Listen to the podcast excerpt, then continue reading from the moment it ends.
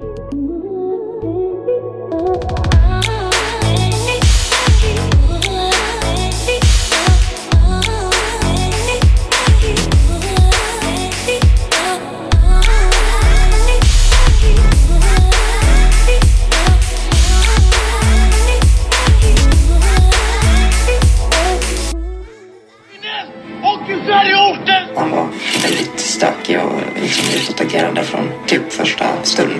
psykopat som klipper av mig mitt hår. Han drar av mina ögonfransar. Han filmar henne när hon ramlar ihop på badrumsgolvet. Han är beredd att gå väldigt långt för att upprätthålla hela det här luftslottet. Alla tyckte väl att det var en sjuk jävel på ett bra sätt.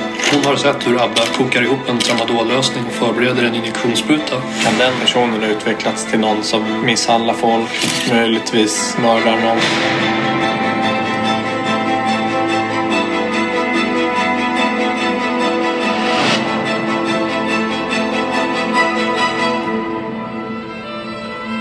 Du hørte nettopp et klipp fra en svensk dokumentar som heter I hodet på en gjerningsmann. Jeg husker sinnet jeg satt igjen med etter å ha sett episoden, for ikke å snakke om alle spørsmålene som jeg hadde. Hver dag blir 137 kvinner verden over drept av en partner eller et familiemedlem. Hver tredje uke drepes en kvinne i Sverige av sin mannlige partner. Var fjärde kvinna i både Norge och Sverige har blivit utsatt för en eller annan form för våld. De siste 20 årene har 151 kvinner i Norge blitt drept av sin partner. Jeg har alltid lurt på hvorfor dette skjer. Hva er det som gjør at man blir voldelig? At man tyr til vold? At man blir en voldsutøver? Hva er det som gjør at noen tråkker over grensa? Vad var det som gjorde att Abbe Blattelito Al-Sadi gjorde det, allerede i en alder av tolv år? I 2019 ble Al-Sadi dømt til 18 års fengsel i tingsretten for å ha drept ekskjæresten sin gjennom å dope henne ned og legge henne i et badekar. Han anket dommen, og kort tid senere ble han frikjent for mordet i lagmannsretten. Dommen endte på tre år og seks måneder for bl.a. grovt overgrep mot kvinner, overfall i to tilfeller, grov våpenovertredelse, ulovlige trusler i to saker, seksuell trakassering, mindre narkotikakriminalitet, mindre dopingforbrytelse og hærverk i fem saker. Jeg har den siste tiden jobbet med en podkastserie om vold mot kvinner. Jeg har fått høre historier fra kvinner som har vært utsatt for ting jeg ikke engang kan forestille meg. Jeg har prata med de som jobber med vold i nære relasjoner, og jeg har valgt å prate med en som har utført det. I de neste fire episodene skal vi få høre Abbe Blattelito Al-Sadi sin versjon om hva som har skjedd, hvorfor dette skjedde, og hvordan det kunne gå så langt. For hvordan tenker en voldsutøver? Del én av fire.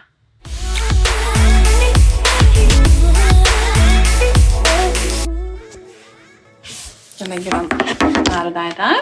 Mm. Eh, ready? Gör det. Bra. Och behöver du Yes. en paus eller något så bara säger du till. Nej, ingen fara. Men då kan jag faktiskt börja med att fråga om eh, hur gammal var du när du kom till Sverige? Jag var tre år när jag kom till Sverige. Eh, Jag bodde då med... Ja, jag kom hit med farsan och sen eh, bosatte vi oss i Gävle. Eh, Det ligger neråt i landet.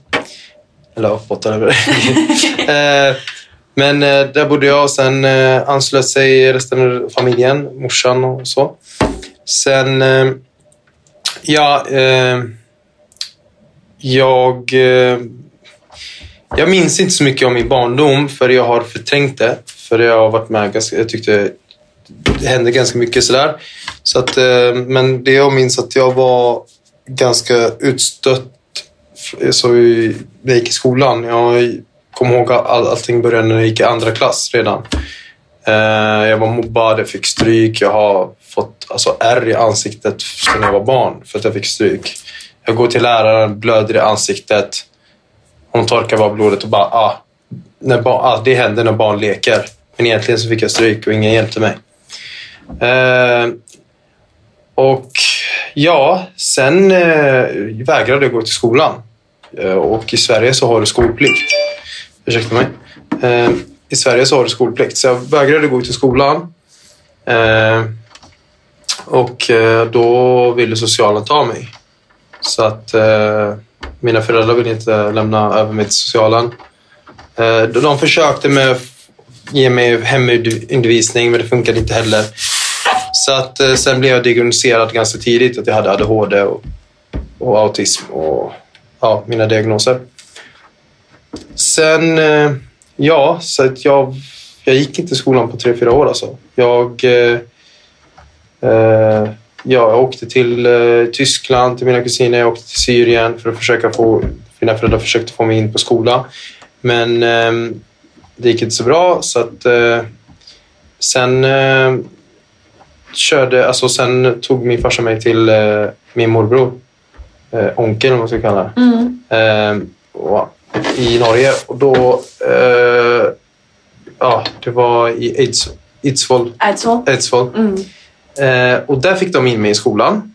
Kommer ihåg jag kom över på sommarlovet. Så du har gått på skola i Ja, Norge? ja.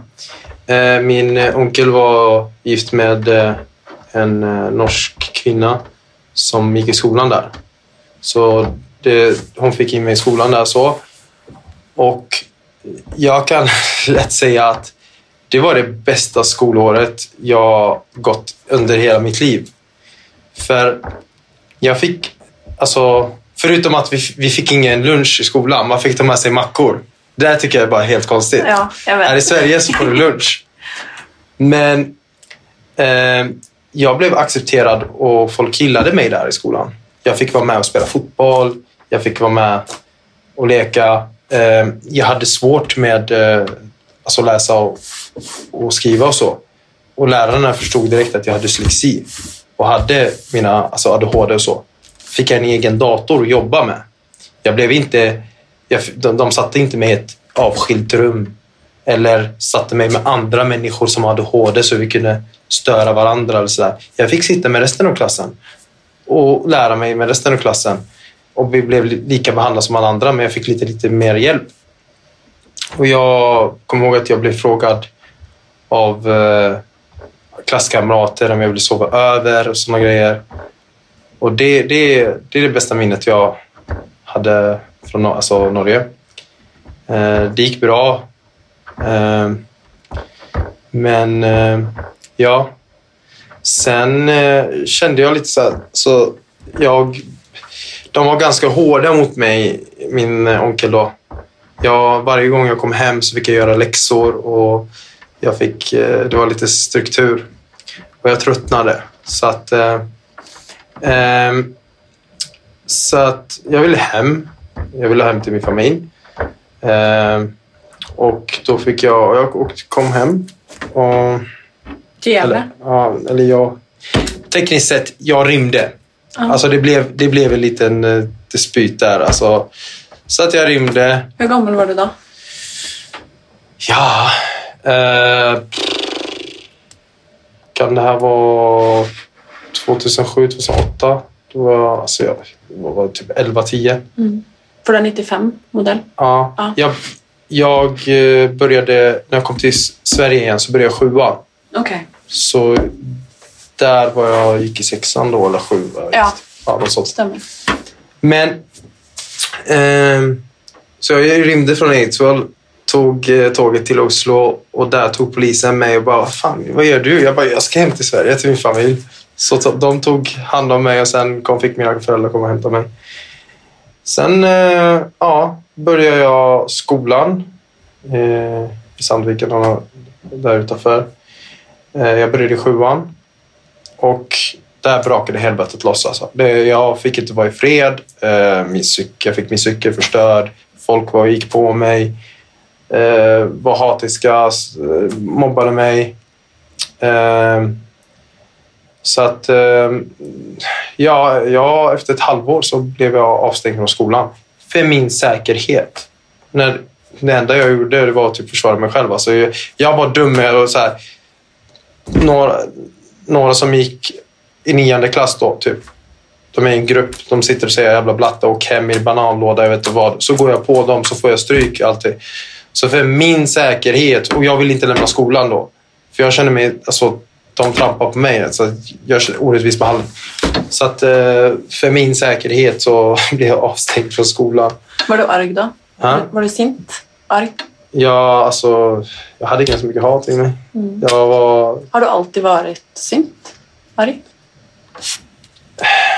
Ja, jag har haft eh, det som när jag var barn. Alltså. Det, det har, jag, jag har alltid känt mig ut- utanför och eh, fått ta mycket skit. Eh, så att, eh, ja, det var det. Och sen, alltså, det hände en, en händelse där eh, alltså jag var 12 år typ. Så jag hade aldrig rört droger eller typ rökte cigg ens. Jag hade bara problem med skolan. Så att, men eh, han som mobbade mig ganska mycket i skolan, han bodde granne med mig. Eh, och jag, tycker jag, jag blev jätteledsen för att en gång så kom jag ut och så, så såg jag min cykel var slängd i vattnet. Så att eh, han följde efter mig en gång hem och jag kände mig så här typ jätterädd.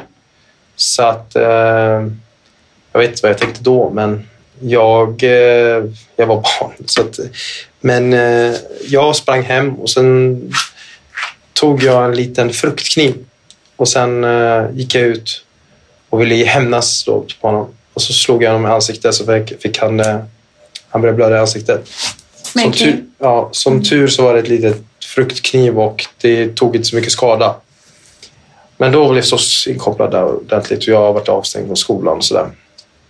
Eh, och då tog SOS mig och placerade mig i Göteborg på ungdomshem eh, sist då. Det är så här ungdomsanstalt för ungdomar. Jag kommer ihåg när jag anlände där. Jag var ganska typ så här. Jag var ju snorunge. Jag var typ rädd. Jag var typ så här.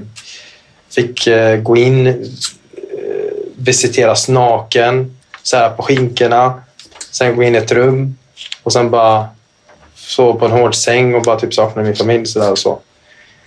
Men eh, jag eh, anpassade mig direkt. Alltså, jag kommer ihåg den natten jag, då jag typ grät där då. Så, så här bara, jag kommer aldrig låta någon trampa på mig mer. Jag kommer klara mig själv. Jag, jag känner mig så här, sviken av min familj, sviken av allt och alla. Jag bara, jag ska köra mitt egna. Jag ska skita i allt och alla. Eh, jag... De... Eh, eh, alltså jag fick medicinering då när jag satt där inne. Så det hjälpte ganska mycket min ADHD och min eh, impulsivitet. Eh, för jag får... får alltså jag, jag bara gör handlingar utan att tänka efter. Eh, och så satt jag med andra ungdomar som blev som min familj. Jag, jag, alla såg mig som en lillebror och tog hand om mig. Och typ, jag gjorde ganska mycket dumma saker och alla störde sig på mig. Och jag typ störde folk och sådär. Alla vill ha lugn och ro. Jag är så här dampig och ADHD och springer överallt.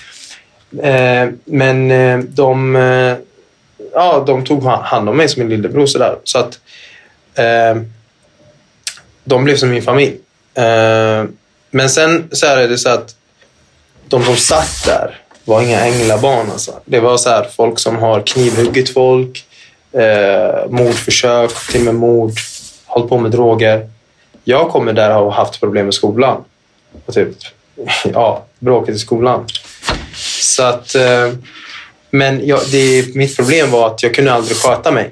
Alla andra de här som satt för de här grova brotten, de satt sju, sex månader till ett år, skötte sig, sen kom de ut.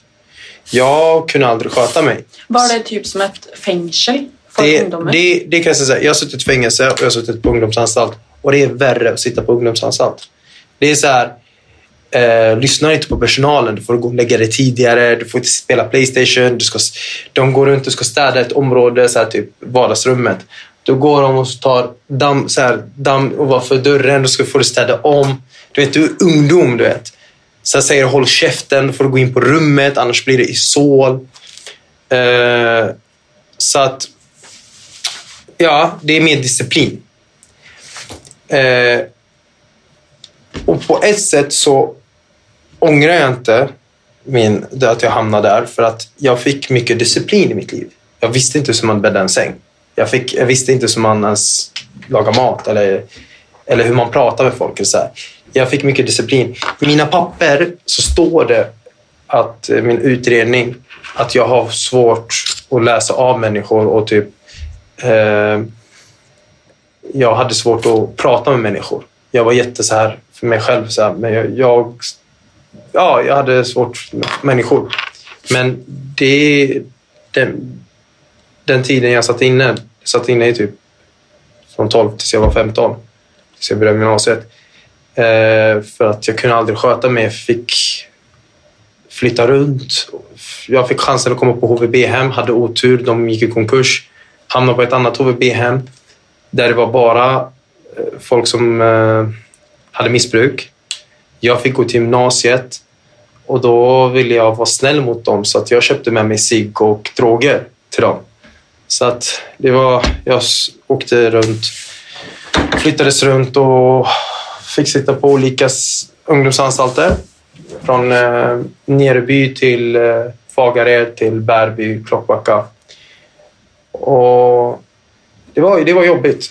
Men eh, till slut så kom min kontaktperson som jag hade på en av de här hemmen in och sa till SOS, det här räcker. Killen vill bara plugga och gå gymnasiet och vill ja, fixa till sitt liv. Så att jag fick flytta hem till henne. Och, och då där skötte jag mig. För att på, på det här HVB-hemmet så började jag ta droger som 15 år. Uh, och hos henne så tog jag inte droger. Uh, jag kommer ihåg när jag gick, åkte, jag gick till gymnasiet. Jag bodde då i Kungälv. När jag uh, skulle till gymnasiet så, så... Jag är halvvägs till gymnasiet. Jag cyklar. Så ringer hon mig och bara “Nu får du komma hem. Du har glömt ta din medicin”. Eh, så jag hade mycket struktur och det funkade. Och, och det är så här, ja, jag hade ett lite så här mer normalt liv. Mm. Det, Tyckte du om det? ja, alltså... Ja, Mm. det funkade. Men sen när jag blev 17 då ville jag stå på mina egna ben och då fick jag en egen lägenhet. Och eh, det är där det började spåra för mig. Eh, jag pluggade då eh, gymnasiet, gick gymnasiet. Så att eh, jag började så här, vara med. Alltså jag gjorde inte så, Jag kunde inte bara sitta. Jag blev placerad i en klass där andra människor som hade ADHD. Så det var aldrig lugn och ro i klassen. Det kastades suddgummi, Red Bull, jag vet inte vad, saker flög. Eh, vi skojbråkade mycket och sådär. Eh, så jag blev avstängd efter ett halvår. Det var lite för mycket. Jag var väldigt resurskrävande. Så jag fick byta gymnasium. Eh, men eh, där, samtidigt när jag pluggade, jag fick plugga då halvtid, eh, gå gymnasiet halvtid och sen fick jag ett jobb som bartender eh, och eh, jag praktiserade på bilfirma BMW. Ehm, men samtidigt så ville jag leva mitt liv och lite så här, jag festade mycket. Jag började festa, ta droger, röka på då, eh, dricka alkohol och började sälja droger. Eh, för jag ville... Alltså, jag jobbade som bartender på helgerna. Fick in 10 000 i månaden. Jag fick mitt studiebidrag. Jag fick SOS-bidrag. Eh, och jag praktiserade. Och sen ville jag sälja droger för jag ville ha, jag ville ha allt som jag inte hade när jag var liten. Leksaker, kläder och så. Så att eh, jag började sälja droger sådär. Jag började umgås med fel människor. Jag började umgås med eh, folk jag satt inne med och sådär. Och det spårade ju lite bra för att jag blev då dömd när jag var 17 år för en grov misshandel. Igen? Eh, ja. Eh, och då samlades det på sig att den grova misshandeln som jag begick Eh, på villan då. Ehm, och jag hade typ med mig två grova misshandlar sen jag satt inne mot grov mot, eh, mot tjänsteman. Grov våld mot tjänsteman. Så att jag fick eh, 70 000 i böter och samhällstjänst. Ehm, så att jag hamnade hos Kronofogden. Så jag, när jag fyllde 18, han har inte ens ut ett abonnemang på mitt namn. Jag har aldrig fått en chans. Så jag kände så här bara, fan, jag har verkligen försökt. Och jag har försökt ja, rätta till mitt liv och försöka vara som alla andra. Men ska jag börja jobba och sitta och betala av eh, en skuld som jag tycker är helt fel, för det var inte jag som provocerade det här bråket fram. Det var äldre människor. De var, som gick på oss var 30 bast och jag var 17-åringen, snorunge med mina två vänner. Och vi gick på gatan och så gick de in i oss och bara stick härifrån. Och sen blev det så att de åkte på stryk. Och, och då tyckte jag bara så här, ska jag betala 70 000 till honom? Eh, och nu har jag hamnat hos Kronofogden, kan aldrig ta en lägenhet eller någonting på mitt namn. Så att jag känner mig igen eh, utanför samhället. Jag, alltså, jag försökt verkligen att med min problematik och mina problem att plugga och, jobba och typ, ja, se till mitt liv. Men, så att det här spårar ur för mig totalt. Jag börjar eh, ja, ta allt mer droger och sälja droger, alkohol eh, och eh, hänga med kriminella, grovt kriminella människor. Eh, så att, eh, ja. Eh, Likte du livet da? Tyckte du om hur livet var? Ja, alltså det, det, är, det, är ganska, det är ganska mycket spänning i det. Det är, det är adrenalin, det är snabba pengar, det, är, det händer saker hela tiden. Det är polisen bakom det hela tiden. Alltså så här, du, du, du har alltså, spänningen i livet. Alltså det, det är, när du är ung så tycker du det är, det är kul. Och det är så här... ehm, man tycker, på ett sätt tycker man det är tufft. Men sen när man blir äldre så man vill inte ha det i livet. Alltså, de flesta som håller på med det här, den kriminella livsstilen, har det för att kunna försörja sig. För att kunna ha mat på bordet.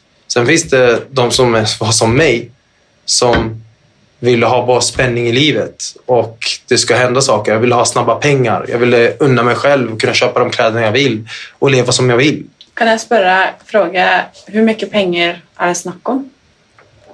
Alltså hur mycket, alltså, hur mycket pengar ville du ha? Det fanns ingen gräns. Alltså jag kunde ha... Jag kunde få in... Vi säger så här... Fan. Kunde jag få in... Kunde få in en 50 000, säger på en, en vecka då. Och då brände jag upp allting. Och då snackade jag om att jag var ganska, jag var ganska driftig alltså, tycker jag. För att jag sov aldrig. Jag festade hela tiden. Jag var med mina vänner. Eh, sen eh, fick jag, jag fick ett jobb som snickare. Så att eh, jag monterade kök och sådär. Lärde mig ganska fort. Jag hade ingen utbildning så jag lärde mig fort. Eh, så jag jobbade en hel dag. Jag hoppade av skolan då. Jobbade en hel dag och sen efter jobbet så åkte jag runt och lämnade lite droger och sen eh, på kvällen så festade jag och så kanske jag sov en, två timmar och sen fortsatte jag sådär.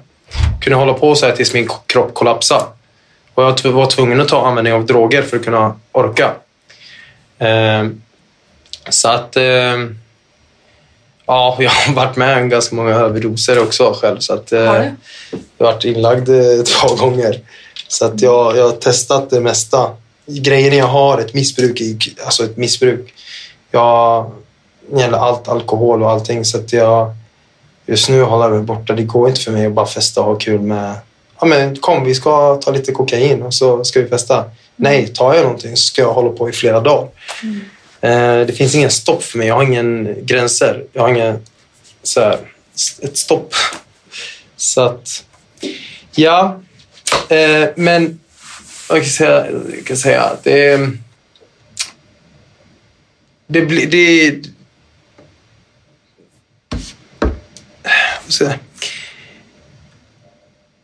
ehm, jag eh, hade ganska ett fucked up liv eh, när jag bodde i Göteborg. Polisen var på mig. Alltså så fort jag satte mig i en bil, de tog in mig.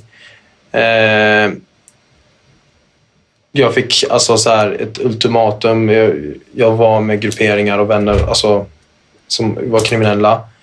Och det är så här, jag fick ett ultimatum. Antingen golar jag eller så åker jag in med dem och sådär. Och sen var det så att de jag umgicks med hade krig med andra människor. Och jag var också i den här zonen. Så att det är så här. Det hände ganska mycket våld och så i, runt mig. Eh, så att jag bara, jag vill inte leva så här. Jag, jag var helt insyltad, helt djupt in i skiten. Så att jag bara, jag vill inte leva så här. Så att jag, jag förlorade min lägenhet. Jag hade fått, alltså det var här var min sjunde lägenhet.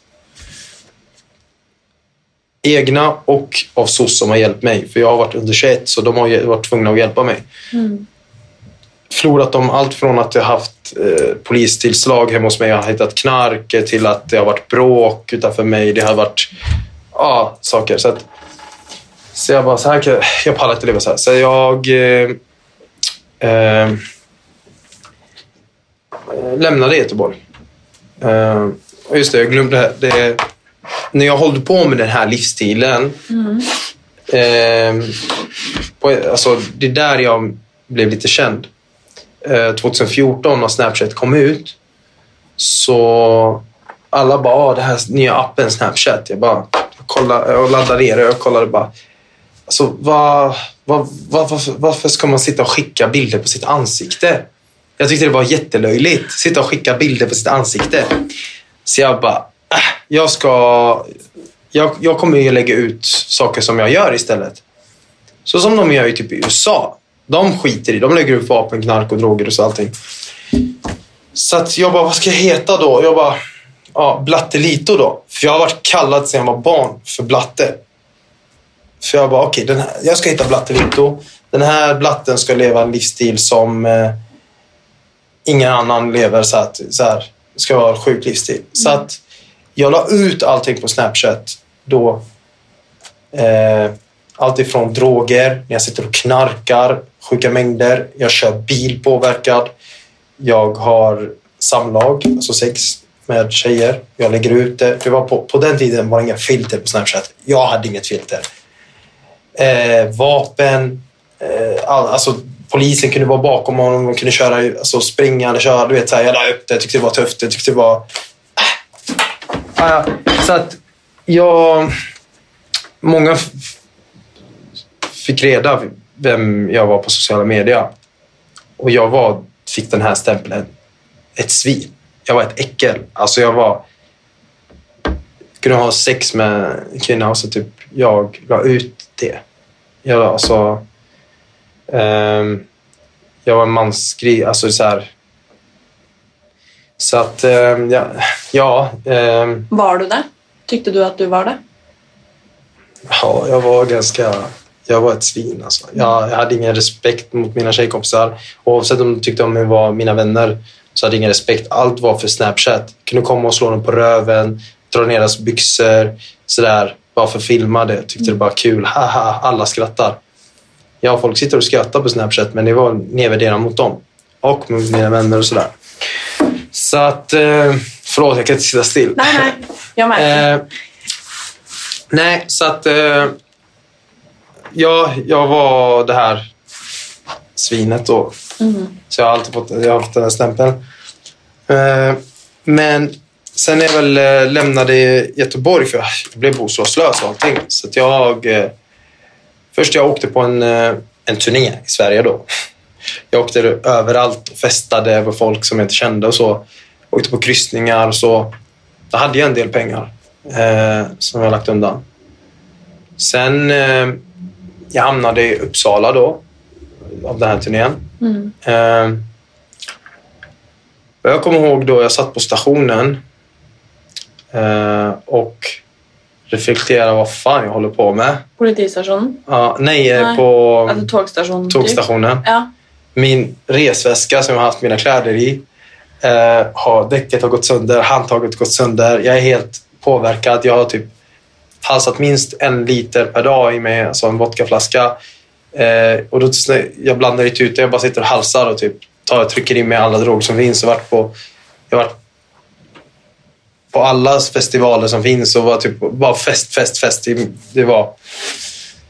Sen... Eh, eh, jag satt där och bara, fan, vad gör jag? Vad håller jag på med? Eh, sen bara så här turens tur. Alltså det kom så här. Jag bara, vad ska jag ta vägen nu typ? Den här festen har tagit slut. Nu är typ det sommarlovet är slut. Då kom det en bil förbi och så bara, bara tjena Abbe. Det var, så här, det var några som jag hade festat med på en kryssning. En tatuerare och en piercare där. Så att, vad fan gör du? Jag bara, ingen aning. Vad ska du göra? Ingen aning. Jag bara, häng med. Vi ska ut och fiska och typ eh, ta några bärs. Så jag följde med dem. Ehm, och eh, umgicks med dem. Så det blev så automatiskt. Jag, jag började sova över hos den killen. Och vi gick ut och festade varje dag. Ehm, han tog inga droger, men jag tog droger och typ... Jag, alltså jag, jag, är ganska, jag, jag har lätt att typ nu... Jag, jag hade inte när jag var liten. Men skapa nya kontakter och ta vänner och smälta in. Så att jag kunde gå på krogen och sen träffar jag folk och som vet om vem jag är eller typ tycker jag är rolig. Så jag bara, följ med på toaletten. Så drar jag en, eh, lite koks med dem. Så går jag ut så träffar några andra som bara, följ med på toaletten här. Så kunde jag, jag var helt wasted. Alltså jag var 24 dygnet helt borta. Eh, sen eh, kommer jag ihåg att jag, ja, jag började så här gadda mig och sådär. Ansiktet och så. Eh, och en dag går jag på gatan. Eh, helt borta på tabletter och så. Jag Ser helt förstörd ut. Och då åker en bil förbi då igen där. Så då kommer jag förbi och bara stannar och bara... Jag bara tjena. Och det, det här var en, en gammal bekant som, alltså, som jag hade att göra med i Göteborg. Jag jobbade hos honom. Eh, och eh, jag fick åka med till Spanien och jobba där också. Ett kort period tills jag var tvungen att komma tillbaka för att ha min rättegång angående misshandeln. Och så han bara, vad håller du på med? Kom, vi tar en fika. Så tog jag en fika och så bara, vad gör du med ditt liv? Alltså, du ser helt pundad ut. Och vad, vad, vad är det för som föregår? Och så här. Du var en jättedriftig kille när du jobbade hos mig och, och framåt. Och så, ja, så att, jag, bara, jag vet inte, jag har blivit bostadslös. Pengarna har tagit slut. Jag knarkar bara och typ, ja, festar. Så att eh, han pratade lite vett i skallen på mig. Och eh, han bara, ja. Eh, han eh, gav mig en bostad så jag kunde bo själv. Eh, och bara, bry dig inte om kostnaderna så här. Jag kan låna pengar till dig för jag, jag, jag brände alla mina pengar. Så bara, tills du kommer upp på benen. Eh, jag uppskattade hjälpen. Men skaffa dig ett jobb. Jag utbildar bartender. Skaffa mig ett jobb på en, på en bar.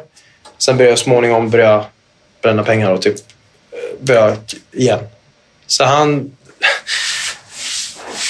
Han... Eh, ja... Eh, kom och tog ryckte i... För att han hade lånat pengar, pengar då. Så att han bara, vad håller du på med? Du skulle, göra, alltså, du skulle komma upp på benen igen. Inte att gå tillbaka.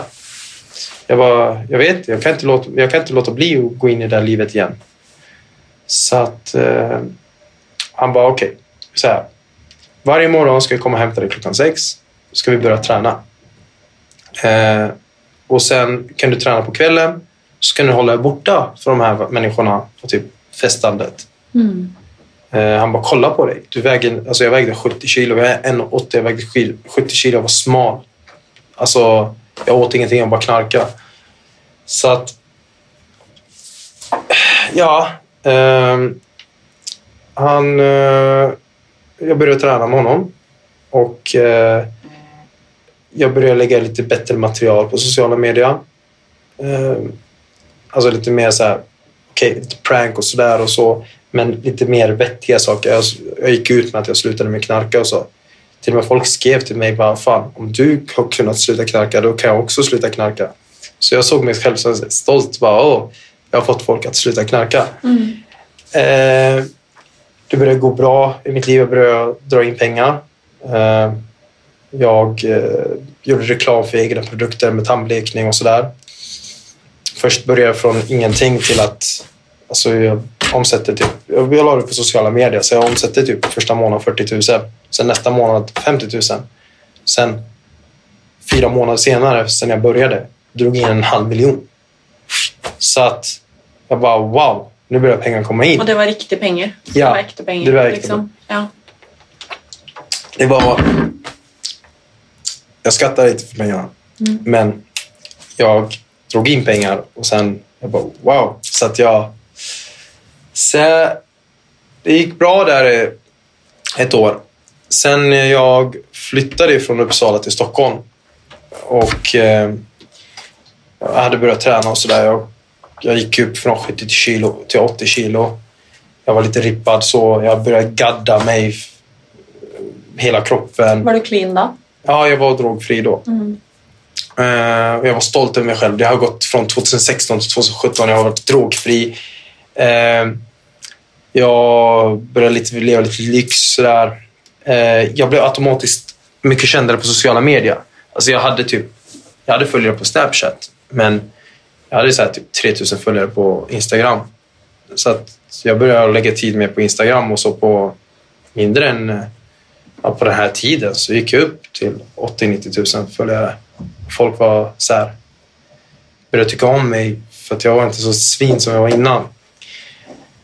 Eh, så att... Eh, ja, jag, eh, när jag väl flyttade till Stockholm så, så började jag... Jag blev påverkad av Stockholmsmiljön. Jag började gå ut igen och festa och sådär. Men jag var drogfri då. Men eh, jag började... Jag hade ett kroppskomplex för jag hade en sån liten kropp. Alltså, så att jag eh, började trycka anabola. Och alla mina vänner och ja, alla mina vänner runt mig sa till mig, gör inte det. Med din, med din eh, vad heter det? Eh, mentalitet. Med din mentalitet ska du inte trycka med. Du tänder till för ingenting. Du kan bli aggressiv sådär. Du kan slå på någon på gatan och sen åker du in för det. Eller, ja. Och så sa de till mig också, skaffa inte flickvän. Eller drick inte alkohol eller ta kokain när du trycker anabola. För man har fått höra historier där folk har slagit ihjäl sina flickvänner. Eller slagit ihjäl någon på krogen. För att de har sett svart. Och jag har redan, jag ser redan svart när jag blir förbannad. Jag har ADHD och, och ja, mina diagnoser. Så jag bara, äh, det här löser jag. Vet du. Det här, det, det, jag klarar av det här. Jag klarar fan över 12 överdoser. Jag är, fan, jag är Superman. Vet, så här. Jag, jag drog in ganska mycket pengar, men jag ville ha mig sysselsatt. Så jag tränade två gånger om dagen. Jag började jobba som entrévakt på en krog. Eh, och eh, jag började umgås småningom med lite så här kända profiler. Eh, och festa med dem och sådär. Och så tyckte jag var alltid stolt. Jag la upp alltid. Jag dricker Red Bull. Jag tar inte droger. Jag tar inte alkohol. Men det, är inte soci- då, det sociala medier inte visste, det är att jag tryckte anabola. Jag fuskade. Eh, jag växte ganska fort från 80 kilo till 94 kilo. Jag var ganska stor. Eh, och... Eh, eh, ja, jag började resa mycket och sådär och typ spendera pengar. Sen... Eh, eh, där på vägen så... Ja, du vet. När man är en väldigt offentlig person och är mycket i festvärlden och ut, alltså festar mycket och ute och så här, träffar mycket människor. Då har man ganska mycket tjejer runt sig. Så jag hade ganska mycket tjejer runt mig. Så att jag, jag träffade fyra, fem stycken samtidigt. Sen träffade jag eh, mitt ex då. Ehm, och eh, ja, ehm, vi fick känslor för varandra. Eh, eller ja, jag... Eller alltså, på, på ett sätt, jag hade inget val i den relationen, känner jag tills idag. För att jag träffade flera stycken samtidigt och jag kände mig att jag var nöjd. Jag jobbar och drar in pengar och lever, är med mina vänner och sådär. Men eh, hon var på, på tr- trött över att varje gång hon kom hem så hittade hon andra tillhörigheter till andra tjejer och sådär. Eh, hon hade fått känslor för mig. Så att, eh, jag kommer ihåg att hon satt och grät en dag och bara Du utnyttjar mig, du, du tycker inte om mig, jag vet vad. Så att, så Gjorde här. du det? Utnyttja henne? på ett sätt och vis kan man tänka för att jag hade bara sex med henne. Så här. Sen när vi var klara så sa jag bara hej då. Så att, och så fort jag kände mig ensam så ringde jag någon annan. Eh, men jag var ganska så här egoistisk och bara tänkte på mig själv då. Men sen när jag väl såg henne vara ledsen och så här, för alla, andra hade accepterat det. De tjejerna jag är med hade accepterat att jag är på ett sätt en fuckboy. Jag är typ ett svin. Så här, typ. Det här är inget pojkvänmaterial. Eh, men när hon väl blev ledsen här så, och eh, så tyckte jag så bara, men vad vill du? Hon bara, jag vill vara med dig. Jag bara, okej, men... Så jag bara, varför inte? Alltså, vi har ett bra sex, hon ser bra ut. Eh, hon är jättesnäll och har en skön personlighet och rolig. Så jag bara, slipper jag gå och träffa flera tjejer samtidigt? Alltså, det var också lite så här, mycket drama, du vet. Det, någon som skrev jag är gravid, någon skrev jag det ena och det andra, du vet. Det, jag behöver inte, så jag bara okej, men jag håller mig till en. Så vi började dejta och träffas alltså så här på riktigt. Och sen... Eh, eh, hon... Eh, hon litar lite på mig för att hon vet vad det är för liv jag har. Ganska mycket tjejer runt mig och sådär. Så hon började bråka med mig angående att ja, men du är hemma. Alltså du... Varför flyttar vi inte hem tillsammans? Alltså varför bor vi inte tillsammans? Uh, och ja, för att så så fort jag var hemma ensam så ringde hon. hon så fort jag inte svarade så blev hon arg. Hon bara, är du med någon annan och sådär. Så att jag bara, ja, ja skitsamma. Jag bara, varför flyttar jag inte? Okej, vi flyttar ihop då. Jag säger upp min eh, bostad. Eh, jag bara, alltså hon är bra på att laga mat, hon tvättar mina kläder. Jag bara, jag slipper göra allt det här själv. Eh, så vi flyttade ihop. Och eh, eh, ja, du vet när man flyttar ihop då växer känslan till varandra mer. Eh, sen eh, är det så att jag har haft, mitt namn har varit svart. Alltså jag har aldrig kunnat ta ett abonnemang på mitt namn. Och på den här tiden nu hade jag pengar. Jag hade pengar. Jag gick ut och tog hyrbilar för 20 000 från Hertz varje månad. Och det är ganska mycket pengar att lägga på en bil. Och det är så, här, så, så att jag... Jag eh, ville ha en ny... Alltså jag ville köpa en, en bil till mig. Jag hade då omsett lite över ja, två miljoner typ. Så att jag bara...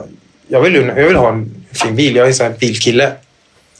Så att eh, jag ringde runt till mina vänner och frågade vem som kan eh, ja, ställa sig på en bil åt mig. Eh, men eh, ingen av mina vänner ville ställa upp. För de bara, ah, Abbe, vi vet hur du kör, vi vet hur polisen kommer stoppa dig och sådär. Så jag, jag blev ganska arg då jag hade ett telefonsamtal, kommer jag ihåg. Och så slog jag i ratten. Sen eh, hoppade hon till bredvid mig och så bara, jag la på och jag bara, vad är det? Hon bara, nej ingenting. Jag bara, men vad är det? Jag bara, berätta. Hon bara, nej mitt ex har typ eh, slagit mig och sådär. Så att när du blev arg sådär, började skrika och slå på ratten så blev jag rädd. Och då sa jag till henne, jag kommer aldrig röra dig. Jag kommer, alltså, det, det där kommer inte hända från mig. Hon visade en bild till mig. Hon var helt blå, sönderslagen. Jag bara, det här kommer inte hända. Så. Och så sa hon till mig också senare, bara, men du kan köpa en bil och ställa den på mig. Jag kan stå på bilen. Jag bara, hon bara, jag behöver ändå en bil. Eh, vi kan dela på den. Så jag bara, okej, okay, ja, ja. Och då tänkte jag bara, men, ja, men jag köper en bil för typ 200 000. Så kan jag gå och casha en bil för 200 000 och ställa på mitt namn. För jag har Kronofogden. Tar de mig med bilen så tar de bilen från mig. Och allt med försäkring och allting skulle kosta på mig. Så att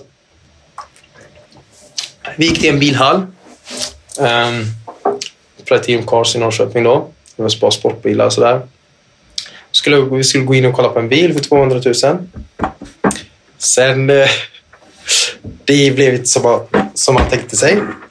För där stod det lite andra sportbilar. Där stod det RS-modeller, RS6. Jag har tatuerat på min rygg en RS6. För det har varit min drömbil.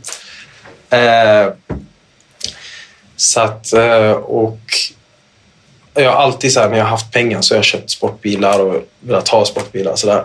så att när jag såg den och så säljaren var så riktigt bra säljare så han, han såg vad jag kollade på. Men han visste vad vi skulle köpa.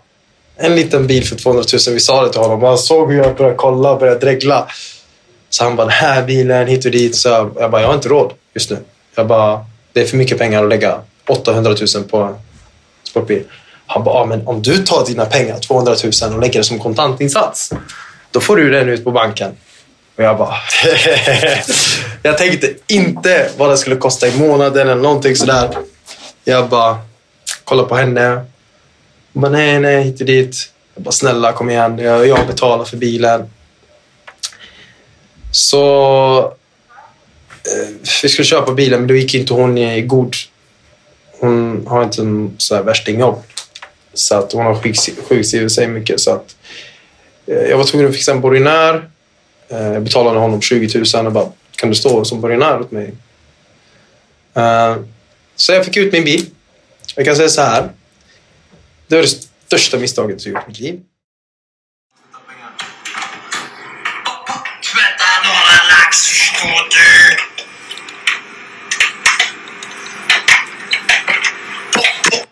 Tvätta pengar.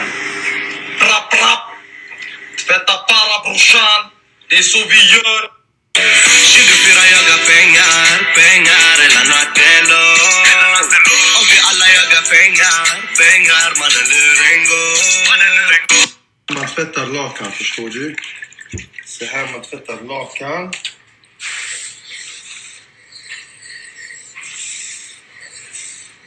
Tvättar dem, de blir lika rena som. Alltså, där. Propp, propp. Nu är de nytvättade, förstår du?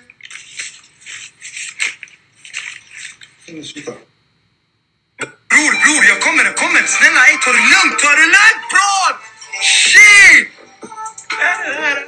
Det är nyår ikväll! Kolla kungen smilet. Trakten yes, här de går loss. Det är nyår ikväll och vi ska fucking gå loss.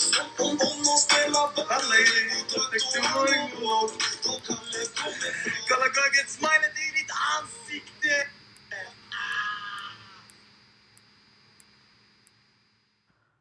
Du har nu hört del 1 av 4 av misstänkt och dömt till mord. Om du är utsatt för våld i nära relationer eller är bekymrad för en du är glad i, kan du alltid ringa VO-linjen i Norge på telefonnummer 116 006. 116 006. Och du kan ringa Kvinnofridslinjen i Sverige på 020 50 50 50. 020 50 50 50.